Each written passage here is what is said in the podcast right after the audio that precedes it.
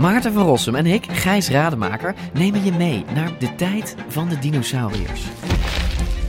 Ja, jij vindt het gemene beesten Het gewoon eigenlijk. gemene beesten. Ja, Kijk, kijk naar ze. Beesten zijn niet gemeen.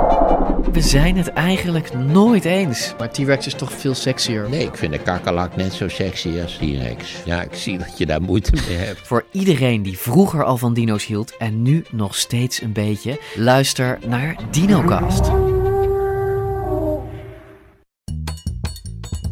Welkom bij de audioversie van de Atlas. Wij zijn drie geografen en in onze ogen is elk land de moeite waard. Zelfs de kleinste dwerglandjes en eilandstaatjes. En hoe kunnen we zo'n land beter bespreken dan met gekke feitjes, mooie verhalen en kleine quizjes? Dit is de kleine podcastlas.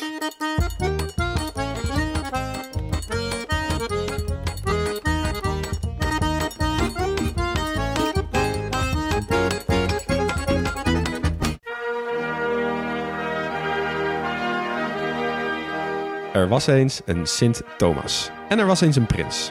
Ze hadden verder niet veel met elkaar te maken, maar zijn samen wel de naamgevers van een land. Een landje. Waarschijnlijk vooral het laatste ontbrekende stukje van je denkbeeldige Afrikaanse landenpuzzel. En waarschijnlijk ook nog zo'n gemeen stukje zonder aha-erlebnis. Daar moeten we iets aan doen. Als smaragdgroene juwelen reizen deze vulkanische eilanden op uit de azuurblauwe oceaan. Ze zijn een schitterend schouwspel van dichte bossen met verborgen watervallen, van aromatische cacaoplantages en van de symfonische zang van zeldzame vogels. Een aflevering als een aanzichtkaart. Ja, dit land was toch wel echt een, een open boek voor mij voordat ik aan mijn onderzoek begon. Ja, geen aha-erlebnis. Nou, het was voor mij vooral een boek wat ergens diep achterin een bibliotheek waar ik nog nooit geweest was. Was. Zo'n land waarvan je wel weet van ja, dat bestaat ook nog. En je Ja. weet ook wel waar het ligt. Ja. Want het is niet dat het in een rij eilanden ligt en je weet niet precies welke eh, Stop de podcast. Je vakantiegeld komt eraan, dus het is tijd om jouw reis te boeken. En onze sponsor van vandaag heeft een dikke kortingscode. En die sponsor van vandaag is Sawadi, niemand minder. Dit is een reisorganisatie en vakanties zijn natuurlijk duur, dus dit aanbod is extra interessant deze tijd. Ik vind dat altijd een mooie organisatie, Sawadi. Ja, ja ik ook wel. En Ja. ze bieden verschillende soorten eh, groepsreizen aan. Eh, en vandaag gaan we het even hebben over die ze aanbieden aan de 22 tot 35-jarige backpackers. En dat zijn over het algemeen mensen die wel wat meer willen weten over het land dat ze bezoeken. En dus niet zomaar van A naar B die hotspots aflopen, busje in, busje uit. Ja, en het zijn ook mensen die het vaak leuk vinden in een groep eh, te reizen. En eh, die groepen die blijken ook heel snel vriendengroep te worden. Zowel tijdens de reis als daarna. Eh, mensen komen vaak nog heel, veel, heel vaak met elkaar terug, spreken af om te meeten en zo. En je kunt dus ook echt naar heel veel plekken op de wereld. Populair zijn op dit moment plekken als Zuid-Afrika, Marokko, Jordanië, Colombia, Nepal.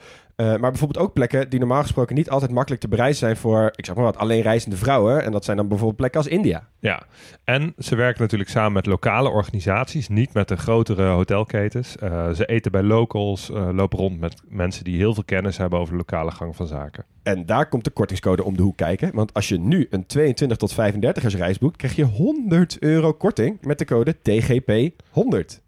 En die code is geldig van 1 mei tot 16 juni. Ja, dus je moet wel een beetje op tijd boeken, maar hey, 100 euro korting op zo'n reis. moet je zou kijken dat- wat je er allemaal mee kan ik doen. zou dat toch altijd even proberen om DGP 200 in Ja, te voeren. ja, ja, Maar ja, ja. ik misschien. Ja. Ja, ik- Anyway, 100 is ook al super mooi. Zeker. En bij Sawadee, het reizen is heel makkelijk. Er is heel veel keuze en het is dus ook heel gezellig. Sawadee, met wie ga jij op reis? Terug naar de podcast.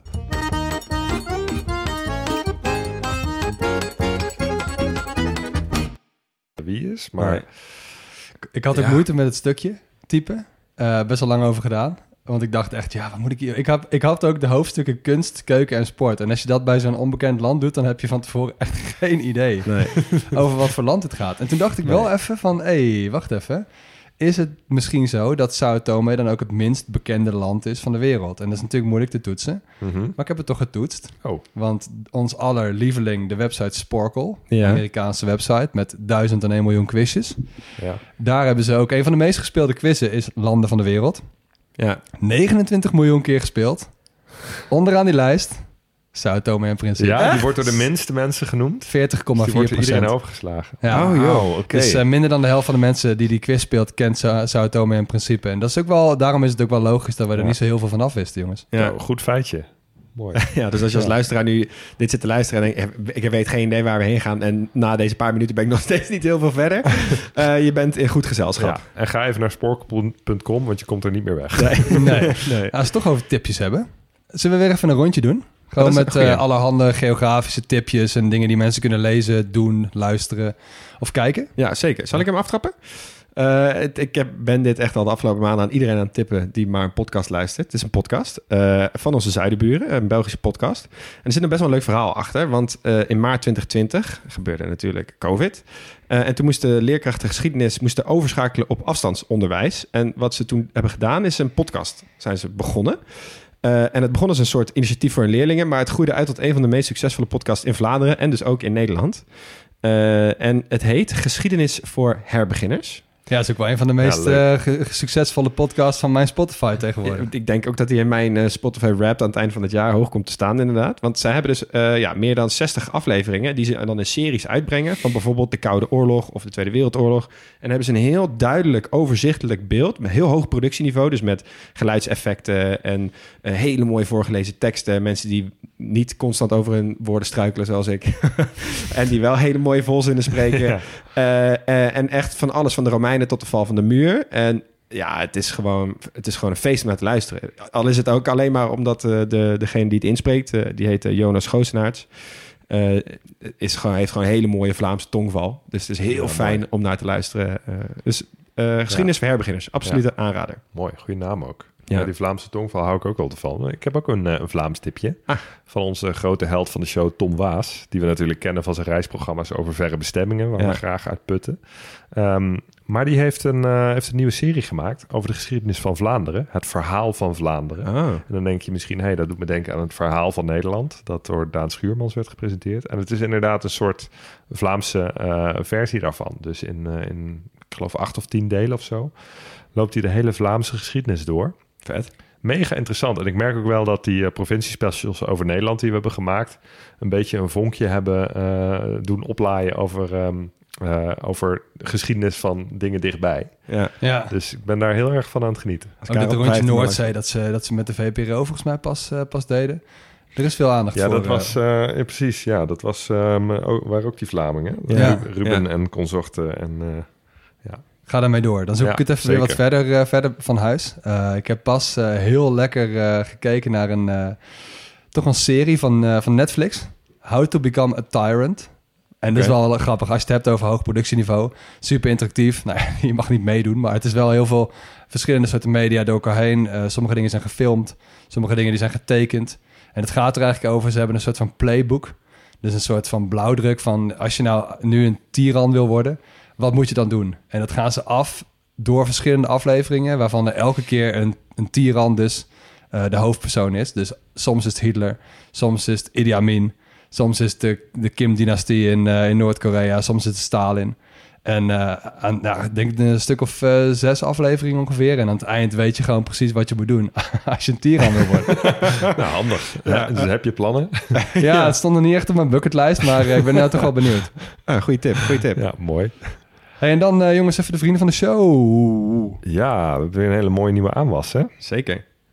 Ehm, we bedanken heel hartelijk Dennis, Teddy, Esther, Hongkong Mark, Wim, Laurens, Rob Kuiper, Annemarije, Luca Nelly, Gijs Broekhuis, Nico Brinkel, Clippy, Martijn van Dam en Jasper. En natuurlijk ook Frank, Ronnie van der Brink, Barend, Erik van Ekeris, Aniek S, Davilex. Davilex? Waren het niet die makers van het A2 het race? voetbalspel. Oh ja, het, überhaupt eh, antieke, antieke voetbalspelletjes Ja. op CD-rommetjes. Ja. Nou, tof. Ehm, Frans La Cabra, Thomas van Schaardenburg, Sam, Teun, Jeroen Leupen en Jeff.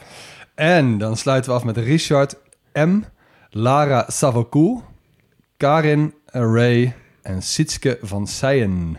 Enorm bedankt. Heel erg allemaal. bedankt en Echt. welkom bij de club. Ja, Mooi. zeker Ja, de, club, de club van bijna 400 inmiddels. En de club waarmee we het nu gaan hebben over Sao Tome. Jongens, wat was jullie gevoel van tevoren en wat is jullie gevoel nu? Poeh, ja, open boek dus, van tevoren. En eh, ja, nu. Ja, mag ik die aan het eind beantwoorden? Ja, tuurlijk. Ja. Ik ben ook wel heel benieuwd waar jullie mee eh, op de proppen gaan komen. Ehm, ik heb expres ook echt mijn ogen gesloten voor jullie delen van het onderzoek. Ja, Want ik dacht, ik wil me echt laten verrassen of er echt nog leuke dingen bij zijn. Ehm, bij, bij, eh, bij deze magische eilandjes. Ja, Ik heb in ieder geval gekke Ja. dingen gevonden, ja. zeker. het stelt nooit teleur. lekker. Nou, mooi. Dan jongens, we zijn natuurlijk begonnen met een landje weer in de oksel van Afrika. Een kilometer of 250 uit de kust van Equatoriaal Guinea en, en Gabon. Nou, recht onder Nigeria ongeveer. Denk je in, het is een soort van vliegje dat rondvliegt in die oksel. Dus die oksel bestaat natuurlijk uit landen, uit best wel veel landen. Eh, dit is de enige eilandstaat die daar, eh, die daar in het midden ligt. Het vliegje in de oksel. Een vliegje in de oksel. Hij wordt ook steeds Ja. poëtisch vrijer. Nou, zeker, zeker. Het is, het is ook wel trouwens wel mooi. Waarom Het is, is het niet gewoon de zweetdruppel van de oksel van Afrika? Ja, die dan naar beneden valt. Ja. Ja, ja zo kunnen we het ook doen. Het is wel gesandwiched trouwens tussen twee eilanden van Equatoriaal Guinea. Dus te- zowel ten zuiden als ten noorden worden ze dus ingesloten door die eilanden. Ah, dat is ook oké. wel mooi. Oké. Nou, bestaat uit een paar hoofdeilanden. Eh Principe mag wel trouwens in zijn handjes knijpen dat ze een plekje in die landsnaam hebben veroverd. Want het is echt een superklein eilandje. Ja. Ehm, ja. Sao Tome is natuurlijk de grootste. En je hebt nog wel een paar andere kleine eilandjes, waaronder dus eh Ilho das Rolas. Een piepklein eilandje met een paar mooie bars en een hotel. En op de punt van het eiland staat een, een, een restaurantje dat heet House of Jollof Rice. Voor je bucketlist. En het mooie is dat het eilandje, daar, daar gaat de Evenaar dus dwars doorheen. Een Ja. van de weinige plekken eh, op eilanden. Ja. En er staat ook een vet mooi monument. En ik vind het wel een mooi moment even voor een quizje. Deze aflevering duurt toch niet zo heel lang. Jongens, de landen waar de Evenaar doorheen gaat. Poeh. Brazilië? Dat is goed. Congo. Welke? Beide. Beide, goed. Gabon. Kenia? Goed, goed, Eh, Ecuador. goed. Somalië? Nee, Ehm, Rwanda. nee. Eh, Indonesië? Oeganda. Oeganda is goed. Indonesië is goed. Eh, Somalië is trouwens ook goed. Sorry. Ja. En eh, Colombia miste die nog. Ah, ja, oké. Ja. Nou, Ja, nou, en je hebt ook eh, de Malediven en Kiribati, maar dan gaat het dus wel door hun territoriale water en niet door, door het land zelf. Maar dus Ja. niet door Equatoriaal Guinea.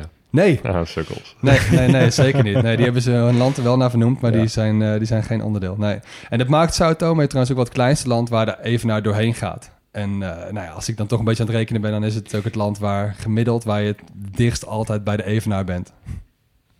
Oh ja, oké.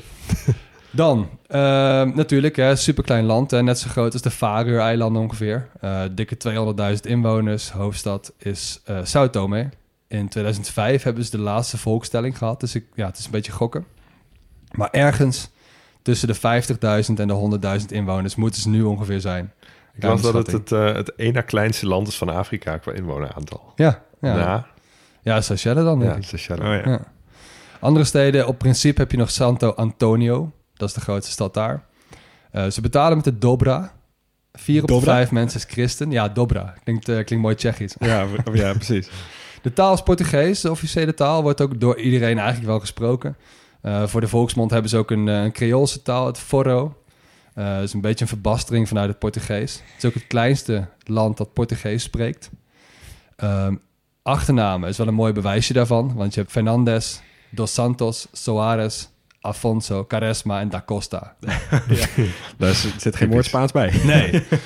en dan de vlag natuurlijk. eh, Pan-Afrikaanse vlag hebben we natuurlijk al heel veel gehad. We hebben er nu weer eentje. Dus drie horizontale banen. eh, groen, geel, groen. Links staat nog een rode driehoek. Eh, en in die middelste gele baan staan twee zwarte sterren. Quizje. Staan die voor de eilanden, ja of nee? Ja, Zeker. dat principe komt er inderdaad echt goed vanaf. Wordt overal als hetzelfde Echt, behandeld. Terwijl het echt Ja. zoveel kleiner is dan Sao Ja. Tome. Ja, Nou, ik stel wel voor dat we de rest van de aflevering het land gewoon afkorten tot Sao Tome. ja ben ik wel eens. Ik zag op internet ook vaak langskomen STP. Ah, Sao. Tome Principe. Ja. Nou, ik hou het bij Sao Tome. Sao oké. Tome. Sao. Voor vrienden.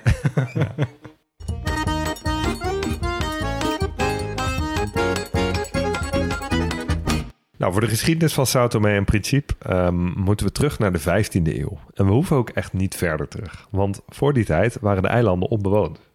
Ja. Dus dit eiland is echt ontdekt door de Europeanen.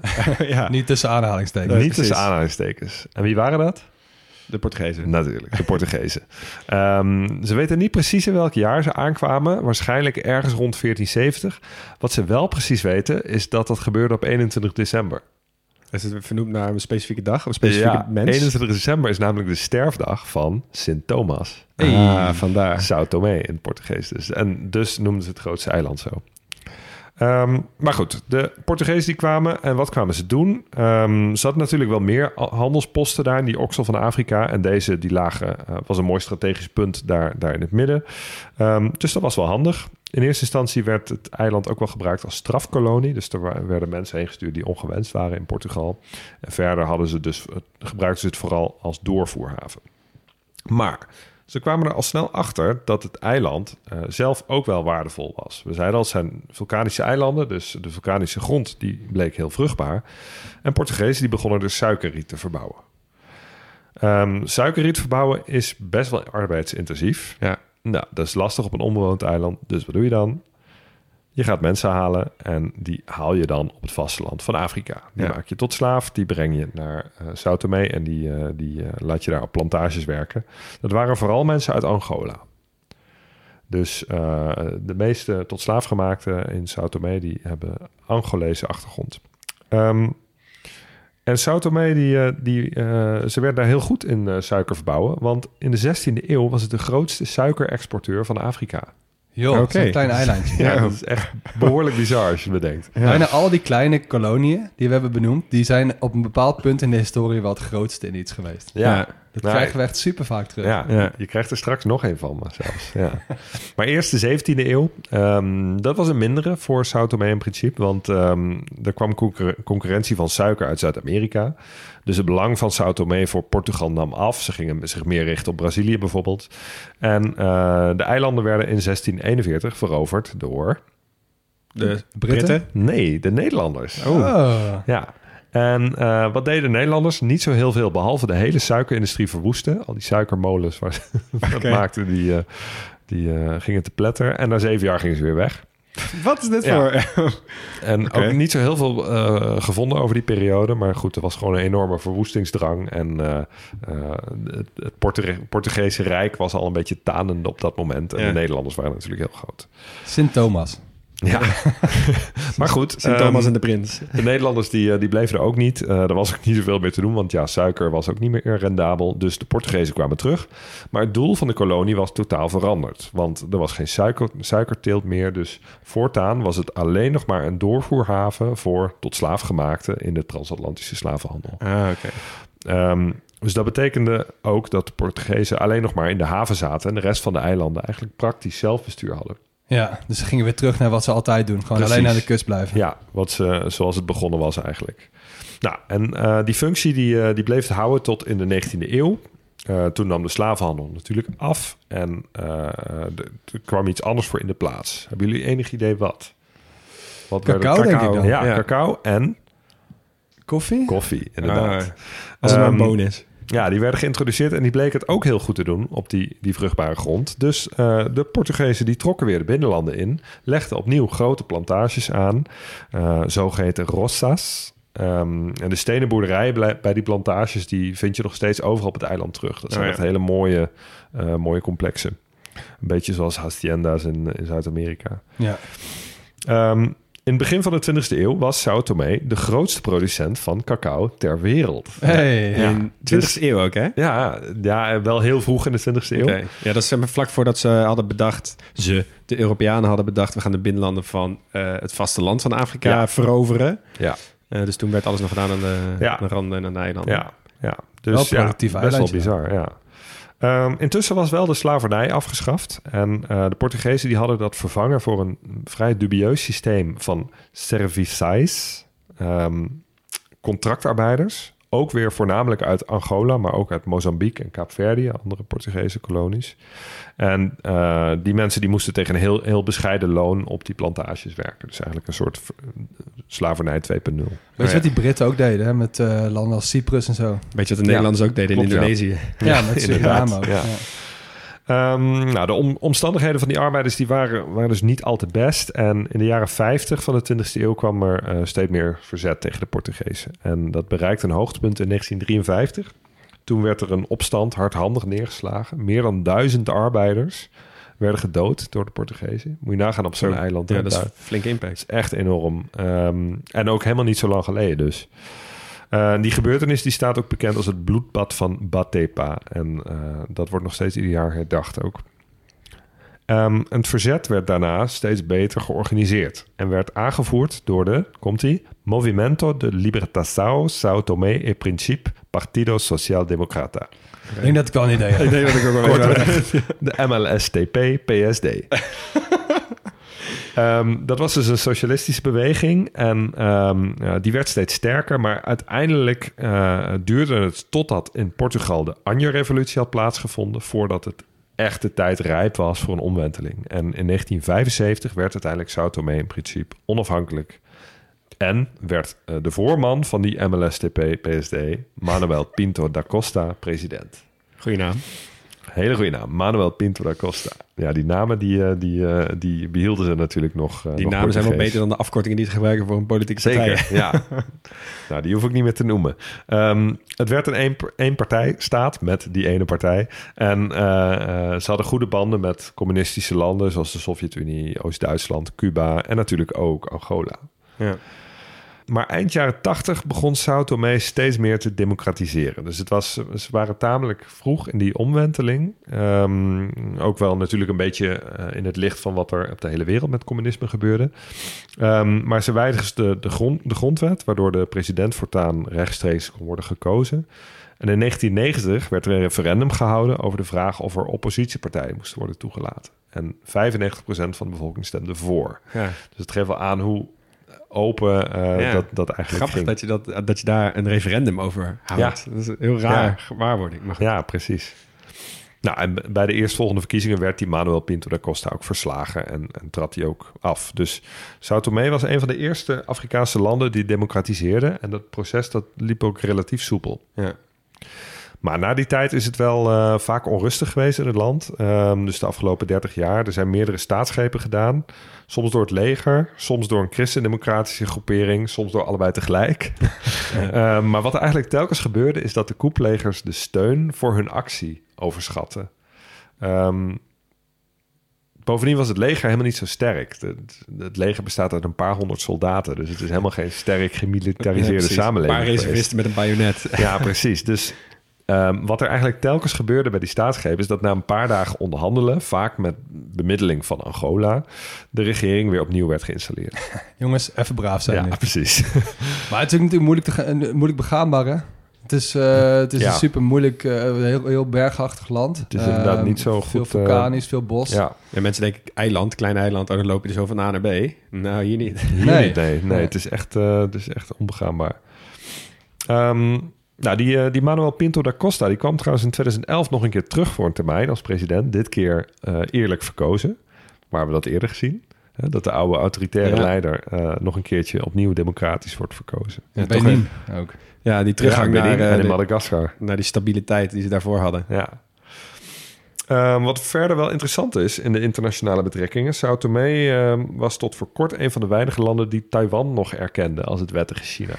Ja, dit En- vond ik ook. hè. Ja, en, en ze hadden goede diplomatieke relaties. Maar daar zijn ze in 2016 mee gestopt. toen hebben ze even het andere China erkend. En eh, eh, toen kregen ze echt een hele grote zak geld in China als bedankje. Ze vroegen toch ineens aan Taiwan van... jongens, we hebben meer geld nodig. En toen zei Taiwan van... ja, dat wordt wel heel gortig. En toen zeiden ze... oké, dan gaan we naar China. En nu hebben ze één keer een, nieuw, een gloednieuw vliegveld.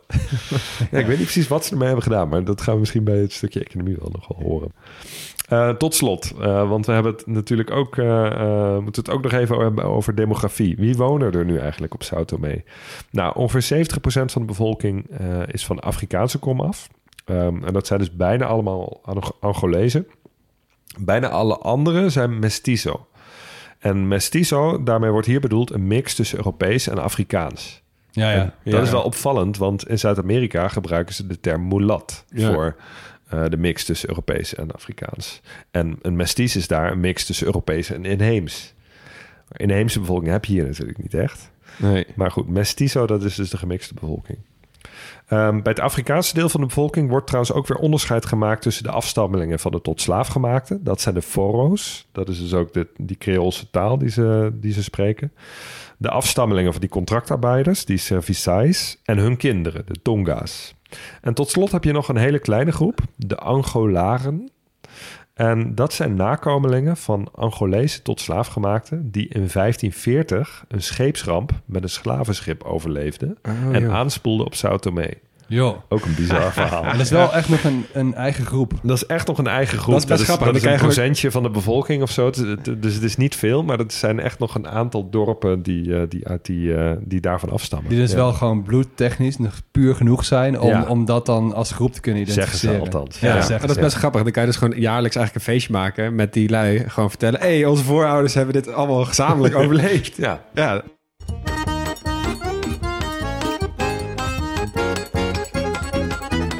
Met eh, een aantal tropische eilandjes eh, voor de kust van Afrika is de vieze geografie natuurlijk een feestje. Ehm, dus we starten even bij het begin. Volgens mij heb jij het eh, net al genoemd, Huug. Het zijn vulkanische eilanden.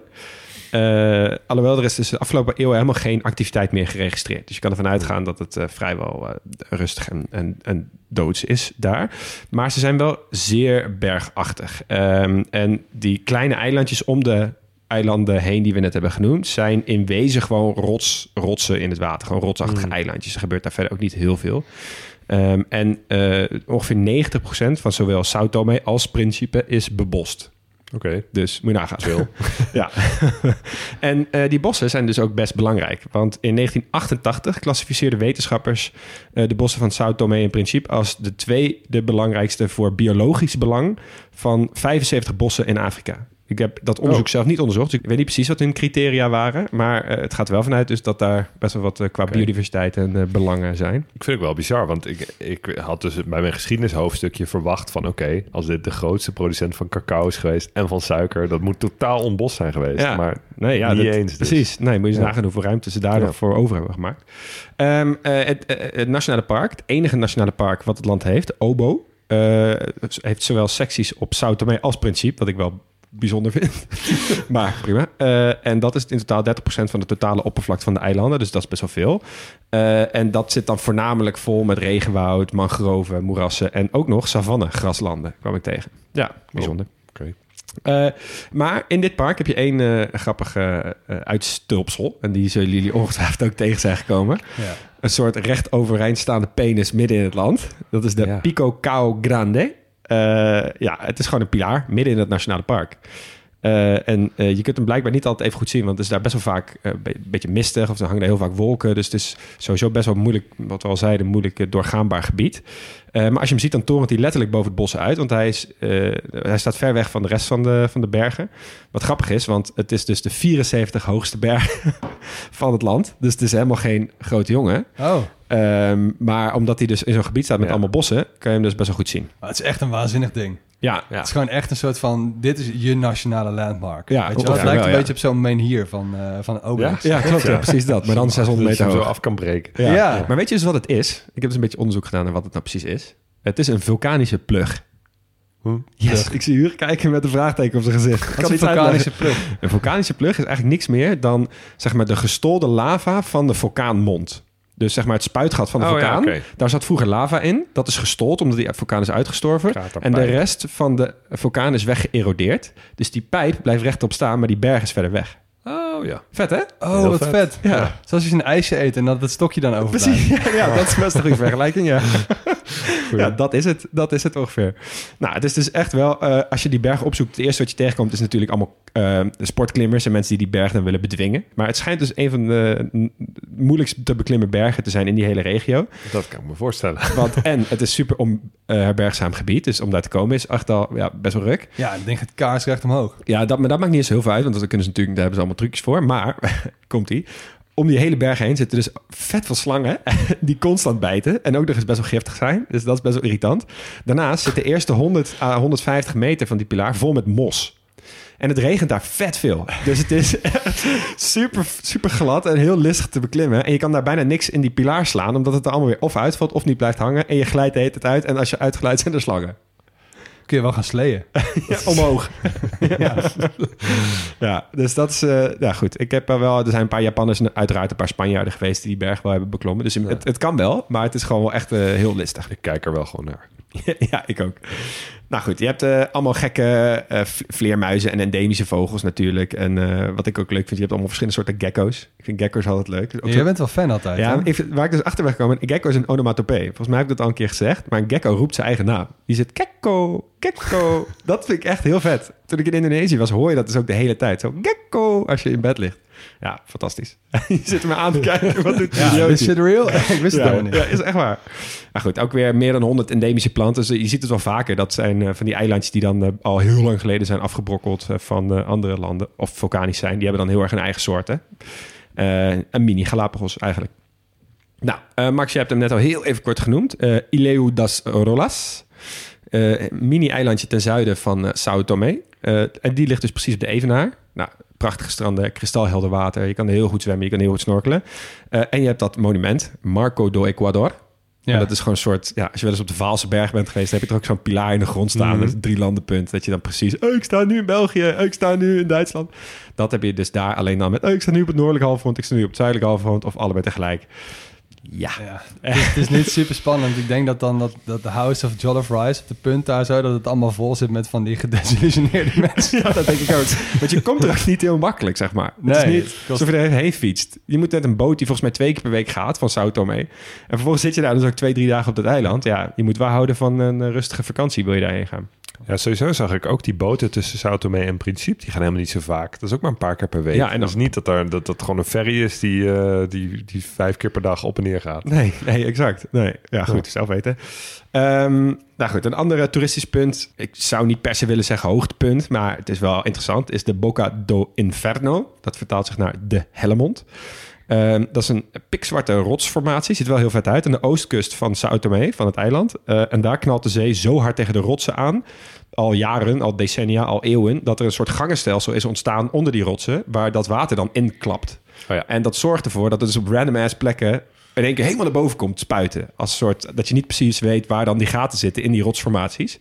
En als dat water dan dus in die gangen schiet, dan hoor je ook allemaal hele gekke geluiden. En, eh, en eh, nou, dat, dat hele gebeuren schijnt best bijzonder te zijn. Ehm, ik heb filmpjes zitten zoeken, maar mm, niet heel veel succes, helaas. Oké. nou, dus ben je binnenkort in Sao Tome? Maak even een filmpje, stuur het even op. Ben je in Sao Tome? Laat het ons sowieso even weten. Eh, wat wel grappig vind, vind ik altijd heerlijk. Dat is de, de lokale legende van de Boca do Inferno. Dat was dat het ooit de thuisbasis was van een reusachtige krab die de kust terroriseerde. En dat de, de lokale bevolking een plan had bedacht om de krab te vangen en te doden. En dat sindsdien het gebied een symbool is van de overwinning van de mens op de natuur. Oh, oké. Yep. Ja. Nou goed, dan gaan we even naar het klimaat. Het klimaat is tropisch en ze hebben één lang regenseizoen. Hoe lang duurt hun regenseizoen, denk je? Ja, op de Evenaar. Ik denk, eh, ik denk het hele jaar ongeveer. Acht maanden. Negen maanden. Duurt van september tot en met mei. Ja, prima. Wil en je dan weten wanneer je daar het beste heen kan? Ja, het is een jaarlijks gemiddelde neerslag van 900 mm. Dus dat gaat best wel lang. En in het regenseizoen wordt er heel kort onderbroken, onderbroken ergens in december, januari. Dat heet dan Gravanito. Dan regent het iets minder hard. En het droogste seizoen van drie maanden, dat heet dan Gravana. Dus Ja. Gravanito is dus ook de kleine Gravana. Eh, en dat Ja. is dan van juni tot augustus. Eh, en dan heb je de laagste gemiddelde temperatuur van het jaar. Maar ja, eigenlijk is het het hele jaar prima toeven. Tussen de 22 en 26 graden. Dus je kan daar sowieso wel... eh, je komt daar wel goed tot je recht als je zin hebt in wat warmere temperaturen. niet super warm ook. Dat is wel fijn. Ja. is natuurlijk veel zee-invloed. Ja, Dus, precies.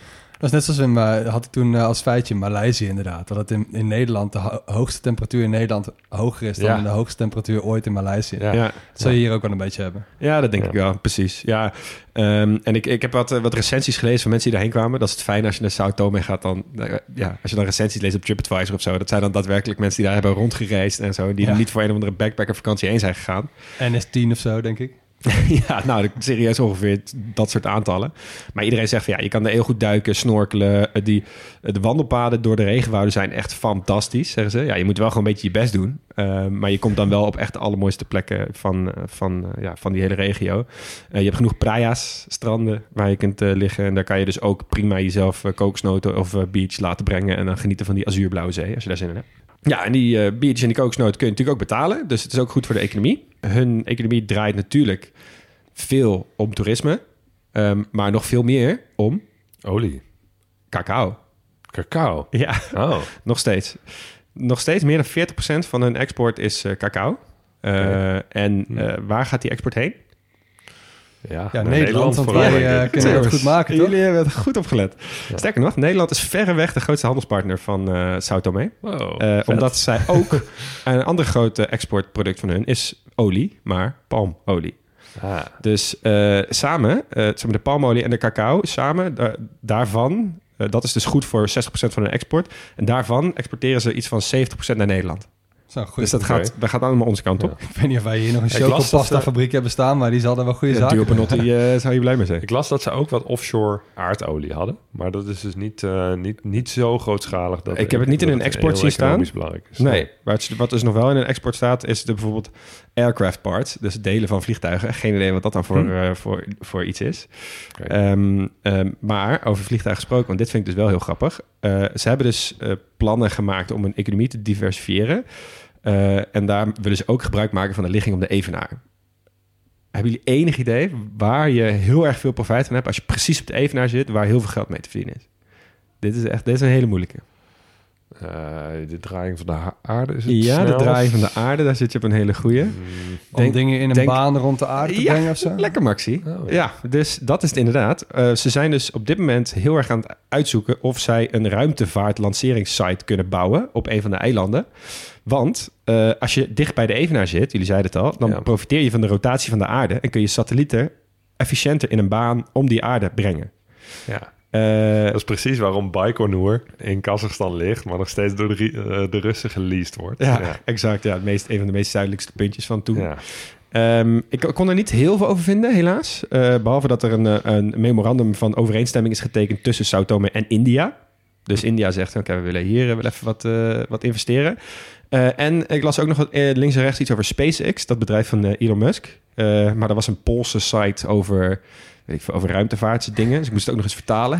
dus heel betrouwbaar weet ik niet precies. Maar ik, zou me niks verbazen als ze in één keer uit de hoge hoed toveren van, eh, van Elon Musk. Oh, kijk eens, we hebben hier een... We eh, gaan het hier fixen. we gaan het Ja. hier, eh, we gaan het hier eh, bouwen. Interesting.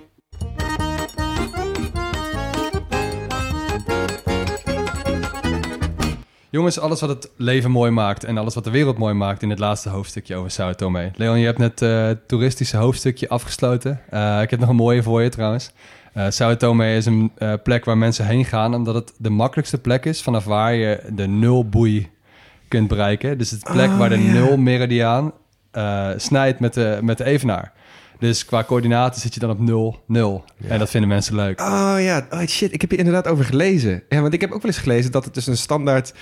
Ah, Ik wilde dit nog uitzoeken inderdaad. Dus dat het een standaard cartografische fout is. Dat als je niks invoert, dan gaat hij naar de coördinaten 0, 0. En Ja. dan kom je dus uit precies bij, dat, bij die boei, bij dat, die 0 boei, zeg maar. Vet lijp dat het dan het minst bekende land ter wereld is. Iedereen zou dit moeten kennen. Ja. Mooi.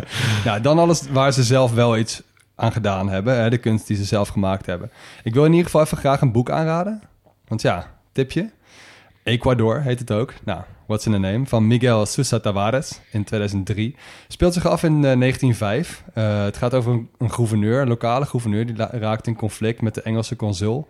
Eh, die is verantwoordelijk voor de slavenarbeid daar. En dus dan krijg je een mooi beeld van de tegengestelde belangen... tussen de lokale bevolking en de slaveneconomie op het eiland. In? Oh, op Sao Op ja. Niet in Ecuador. Nee, ja, ik wil zeggen. Nee, nee, Ecuador. Dat gaat Ja. natuurlijk over de Evenaar. Ja, dus eh, die kun je gaan lezen als je meer wil weten over dit mooie landje. Dan, eh, de kunst is best wel multidisciplinair in, eh in Sao Tome. Ehm, dus je ziet vaak een combinatie van muziek met dans en theater. Dus een mooie evolutie van koloniaal cultureel erfgoed. Het is heel mooi zichtbaar in twee dansen, de Chiloli en Danso Congo. Waar je dus eh, Portugese historische drama's hebt. Die wordt uitgevoerd in lokale vorm. Echt met gemaskerde artiesten, kleurrijke kostuums, dans en trommels. Vet veel trommels. maar dat is wel een mooie combinatie. Dus aan de ene kant het verhaal is gemaakt door de Europeanen. En de uitvoering, dat, mag je wel, dat kun je wel aan de Afrikanen overlaten. Nee. Dus er is dus een kans dat er dus Afrikanen op Sao Tome in principe een verhaal aan het vertellen zijn over Karel de Vijfde. de, de kans is klein, maar hij is er wel. Je weet maar nooit. Je, weet maar nooit. Ja, het is super vet, maar ik kan niet echt een stukje laten horen. Want het is veel te visueel. Eh, een beetje net als andere nationale dans, de Usua. Wat overigens ook de naam is van een, eh, van een lokale booze. Dus de lokale sterke drank. Maar goed, sommige dingen zijn te visueel om te laten horen in een podcast. Ja. Ja, Verder. helaas. Het is best een muzikale eilandengroep. En de aartsvaders van de Sao Tomese muziek is de band Leoninos. Eh, die speelden jaren, tij- tijdens de jaren 50 en de vroege jaren 60. En zij waren echt de vertolkers van de cultuur van de eilanden. Ze werden overigens ook verbannen van de Portugese radio toen ze het nummer Ngandu maakten. Waarin ze veel kritiek uiten op de overheid. Dus op de Mm. Portugese overheerser. Van dat nummer gaan we even een stukje luisteren.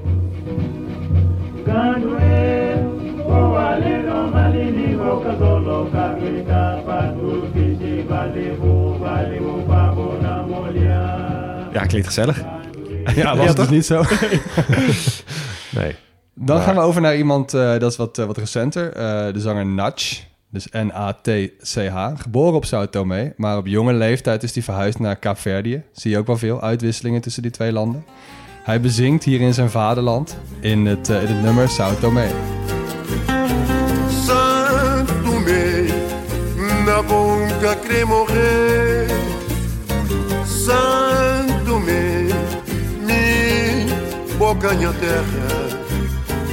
Wauw, dat is prachtig. Ja, je, je hoort wel duidelijk, tenminste, ik denk duidelijk Portugese invloeden te horen. Ja, in ieder geval de taal. In ieder geval Ja. de taal, ja, dat Ja. sowieso. Nee, maar echt heel mooi. Ja. Ook wel eens wat eh, Caribische landen gehoord, waar je ook wel een parallel, eh, parallel hoort. Maar wel mooi. Ehm, en ja, jongens, nu komt het. Ik ben echt heel erg overtuigd geraakt van de hedendaagse kunst en cultuur op Sao Tome. En dat komt eigenlijk door één festival. Ngola. Gola? Ngola. Dus, Ngola. eh, met, met een N ervoor. Twee, jaar, een terugkerend evenement, tweejaarlijks eh, op Sao Tome. Het duurt ook drie weken lang. En het is eigenlijk het beste culturele visitekaartje dat het Afrikaanse continent anno 2023 te bieden heeft. Nou, het zijn grote woorden. Ik Niet de- het beste, maar wel een van de beste vormen die je vindt. Wat zie je dan? In eigen woorden, vrij vertaald. Eh, Gola is een modern, straalt Afrikaanse cultuur uit, manifesteert Afrika's toekomst, verkent de omgeving. Het is visuele kunst, mode, architectuur, muziek, gastronomie, technologie, ambacht en natuur. Alles in één. Holistisch. Heel holistisch. En bewust pan-Afrikaans. Dus er komen echt artiesten van Togo tot Oeganda, van Angola tot Senegal. En zij geloven dus echt in de kracht van een nieuwe Afrikaanse generaties. Dus Echt hele creatieve generaties. Die de potentie waarmaken die hun continent heeft. En met trots dus ook de pan-Afrikaanse cultuur uitdragen. eh, en over de grenzen van hun land en cultuur heen kijken. Het is echt super vet. Nou, ik heb even de aftermovie zitten kijken. Het is iets van drie minuten. En dan wil je echt heel graag daarheen. Ehm, het, ja, alles komt daar samen. Het is echt super vet. Eh, ik laat even een stukje audio horen van, eh, van de aftermovie. Dan kun je even horen wat ze er zelf over te zeggen hebben. you're starting to see Africans holding space a lot more confidently and a lot more unapologetically. And I feel like that's only going to strengthen, which makes me really excited of like the generation that follows us. Once that confidence and esteem has grown and really taken root, what does that Africa look like? Ja, mooi. Afrikaans bewustzijn. Wat ik heel erg heb bij dit soort filmpjes en dit soort festivals, is er is, er is zoveel te vieren. Het gaat zo vaak en te veel over wat er allemaal niet goed ging en hoe het slecht gaat en ging en bla bla. bla. En, Weet je, dat, tuurlijk, het is een verhaal wat verteld moet worden en het is heel belangrijk, maar het vieren van wat er goed gaat en wat er mooi maakt en juist die cultuur omarmen en laten zien wat het pan-Afrikanisme ook voor mensen brengt, Ja. is echt iets, daar, is, dat is, daar hebben we denk ik het topje van de ijsberg nog echt Ja. nog niet van gezien. Er zit een berg onder. Pan-Afrikanisme, zo'n fascinerende eh, Ja. stroming Ja. eigenlijk. Eh, En hoe kun je dat dus beter zien dan in de nieuwe generatie? Het is de, vaak eh, over de grenzen, dus inderdaad heen kijken. Een Ja. hele internationale blik Mhm. hebben. Super hip zijn. Eh, ik moet ik echt meteen terugdenken naar die feesten waar ik in Johannesburg zag. Waar je echt mensen zag. ja. Ja, die waren zoveel hipper dan wat ik ooit in Nederland gezien heb. Weet Ja, je wel? En die komen dan allemaal naar dat festival. Ja, vet, vet. Prachtig. Dan even de keuken. En natuurlijk, het is een hele tropische keuken. eh, gebaseerd op veel wortelgewassen. Hè, dus fufu gemaakt van maismeel en andere zetmeel, zetmeelrijke etenswaren en zo. Eh, het is altijd en overal verkrijgbaar. eh, net als tropisch fruit. Dus ananas, avocado's, bananen. Eh, maar het meeste andere voedsel wordt wel geïmporteerd. Dus ze, ze eten niet alleen maar cacao de hele dag. Je ziet wel dat die keuken veel, veel overeenkomsten heeft met, met andere Portugese koloniën. Oude Portugese koloniën. Dus het ligt overal net precies tussenin. Dus qua rijke families zie je ook dat die als lunch bijvoorbeeld feijoada eten. Dat, dat Braziliaanse gerecht, weet je wel. Ah, ja. Dus heb je aan de ene kant fufu, aan de andere kant heb je feijoada. En als toetje hebben ze pastel de nata. Dat weet ik niet, denk het niet. ik, eh, ik neem wel even wat mooie gerechten met jullie door. Eh, gedeeld met Angola ook, kalulu. Dat schijnt wel echt de maaltijd te zijn daar. Ehm, het is eigenlijk een stoofpot van, dier, eh, van dierlijk eiwit, dus vis of kip, met Mhm. tomaat, dus knoflook. En een combinatie van okra, zoete aardappel, spinazie en courgette. En een van de specerijen die erin zit is paradijskorrel. Wat? Oh, Ooit van gehoord? nee. Dat klinkt wel als iets als waar Nederland in de 17e eeuw de hele wereld voor over zou moeten varen. Ja, maar toch heb ik het nooit gehoord. Ik heb het ook nooit In gehoord. het Engels noem je het grains of paradise. Dat is ook niet heel anders of zo. Ook nee. mooi. En toen ik de beschrijving las, toen dacht ik wel van ja, dit moeten we, ja, dit hadden we gewoon moeten kennen. Het levert zaden en die zaden die smaken naar zwarte peper. Maar je kunt er ook vloeistof uithalen en dat smaakt dan weer naar cardamom. Nou, Oh, dan heb je best een mooie, mooie mooie combi. fusion. Ja. Zouden ze een Arabische keuken in de koffie moeten gooien dan eigenlijk? Ja, nou, als je het over koffie hebt. eh, ze hebben daar een rijst met kip. eh, met een romige saus van chili, knoflook, witte wijn en room dus. Ja. En koffie. Wat? Ja, ze koken daar gewoon met koffie. Oké. Waarom niet eigenlijk? Ja, Als je precies. er- als je Waarom niet? veel van hebt. Kook ze ook met Ik heb er cacao? nooit zo over nagedacht. Kijk, we hebben toetjes met koffie natuurlijk en gebak en zo, maar Ja, en je Ja, zegt er wel over rode wijn dat er een koffie eh, smaak aan zit. ja, Ja, dus ook gewoon in een hartige gerechten Ja. mag het. Ja. dat kan gewoon. Nou, dan, je hebt het over desserts. Dan gaan we even naar dessert. Het is geen Jolof. Eh, weet ik eigenlijk niet. House. op, op die bar wel. eh. Ja, maar als je dan toch de, de, de, de West-Afrikaanse, de echte harde strijd ziet... dan zou, zou het Tome denk ik een beetje ondergesneeuwd worden. Zeker, maar naar Nigeria. Ja, zo. maar relatief dicht bij Nigeria. Dus ik zou denken dat ze toch wel zouden meegesleurd worden in die hele Jolof-strijd. Ja, Ja, ja, nou ik weet niet. Ja, het zou kunnen. Ik, denk- ik denk dat ze het wel eten. Tuurlijk eten Ja, ongetwijfeld. Ja. Nou, dat, dat dessert in ieder geval wat jullie van me te goed hadden. Eh, banana bolo. En dat is een cake. Een soort tulbandcake. Weet je wat die Ah, vorm? ja, ja, ja, tulbandcake? ja, ja, ja. Met daaroverheen eh, een saus van karamel met stukken banaan erin. Dus een bananen karamelsaus. Die gaat er dus op. En dit zie je niet alleen daar, maar dat zie je bijvoorbeeld ook op de Antillen. Heb je dat ook? Ah, oké. Oh, ja, oké. Dus Geen zo- chocola. Nee, maar die eilanden die worden dus wel de Chocolate Islands genoemd. ja. Ja, maar Ja. dat wordt natuurlijk voor allemaal de ergens anders geraffineerd. Ja, precies, precies. ja, het is alleen maar bittere cacao. Ja.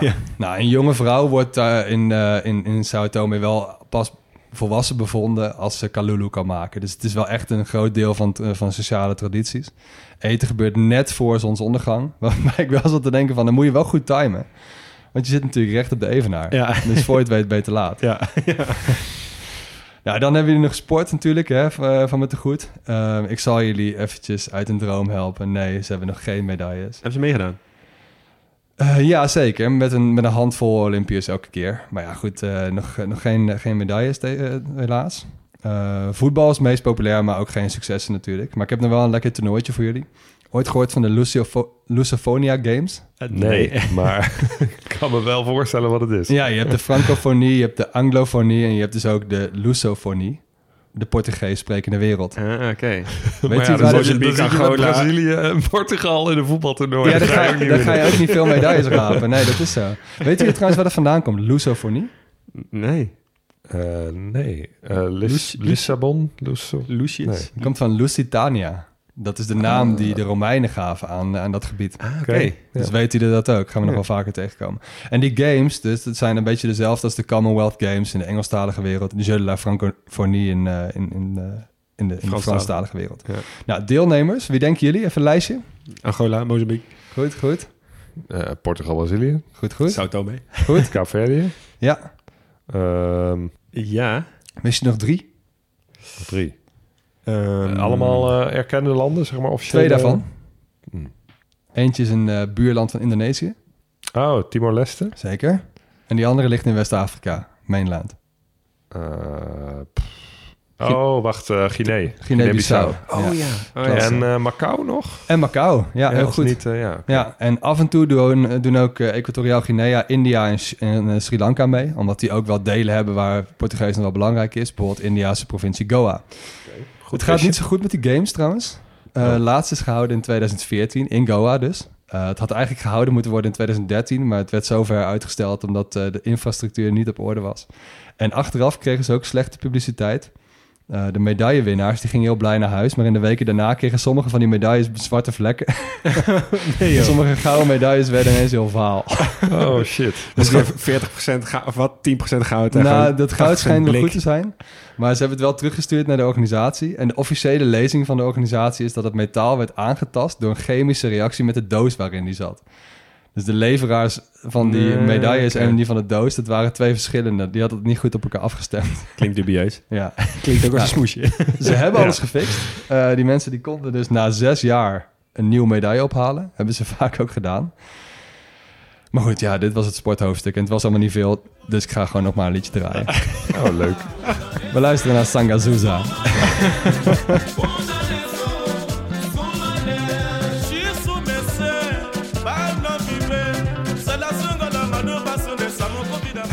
mooi, mooi verrassende afsluiten. Ja, waarom niet, Ik dacht, ik dacht al, jammer, het zit erop, maar fijn. Dankjewel voor deze uitsmijt. Nog even een hitje. Ja.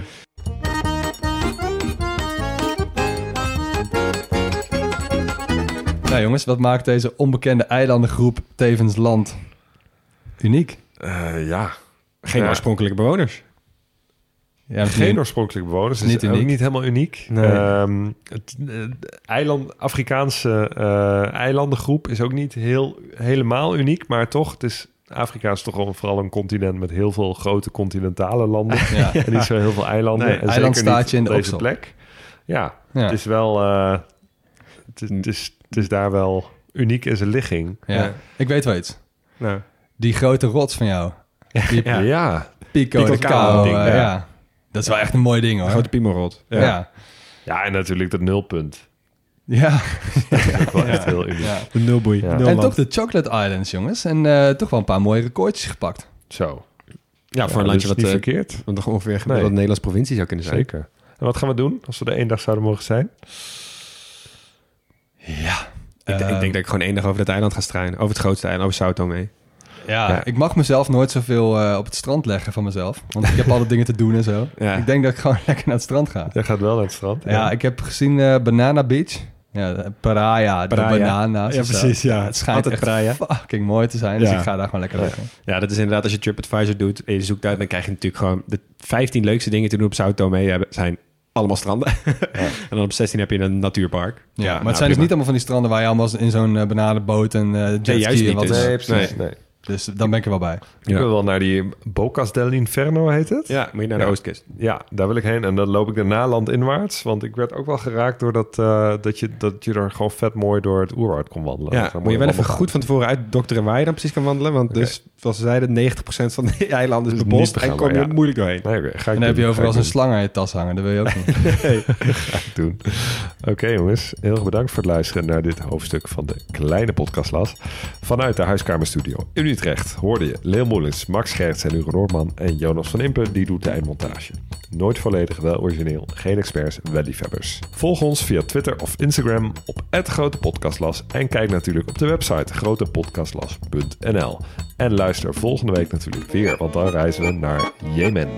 Ciao!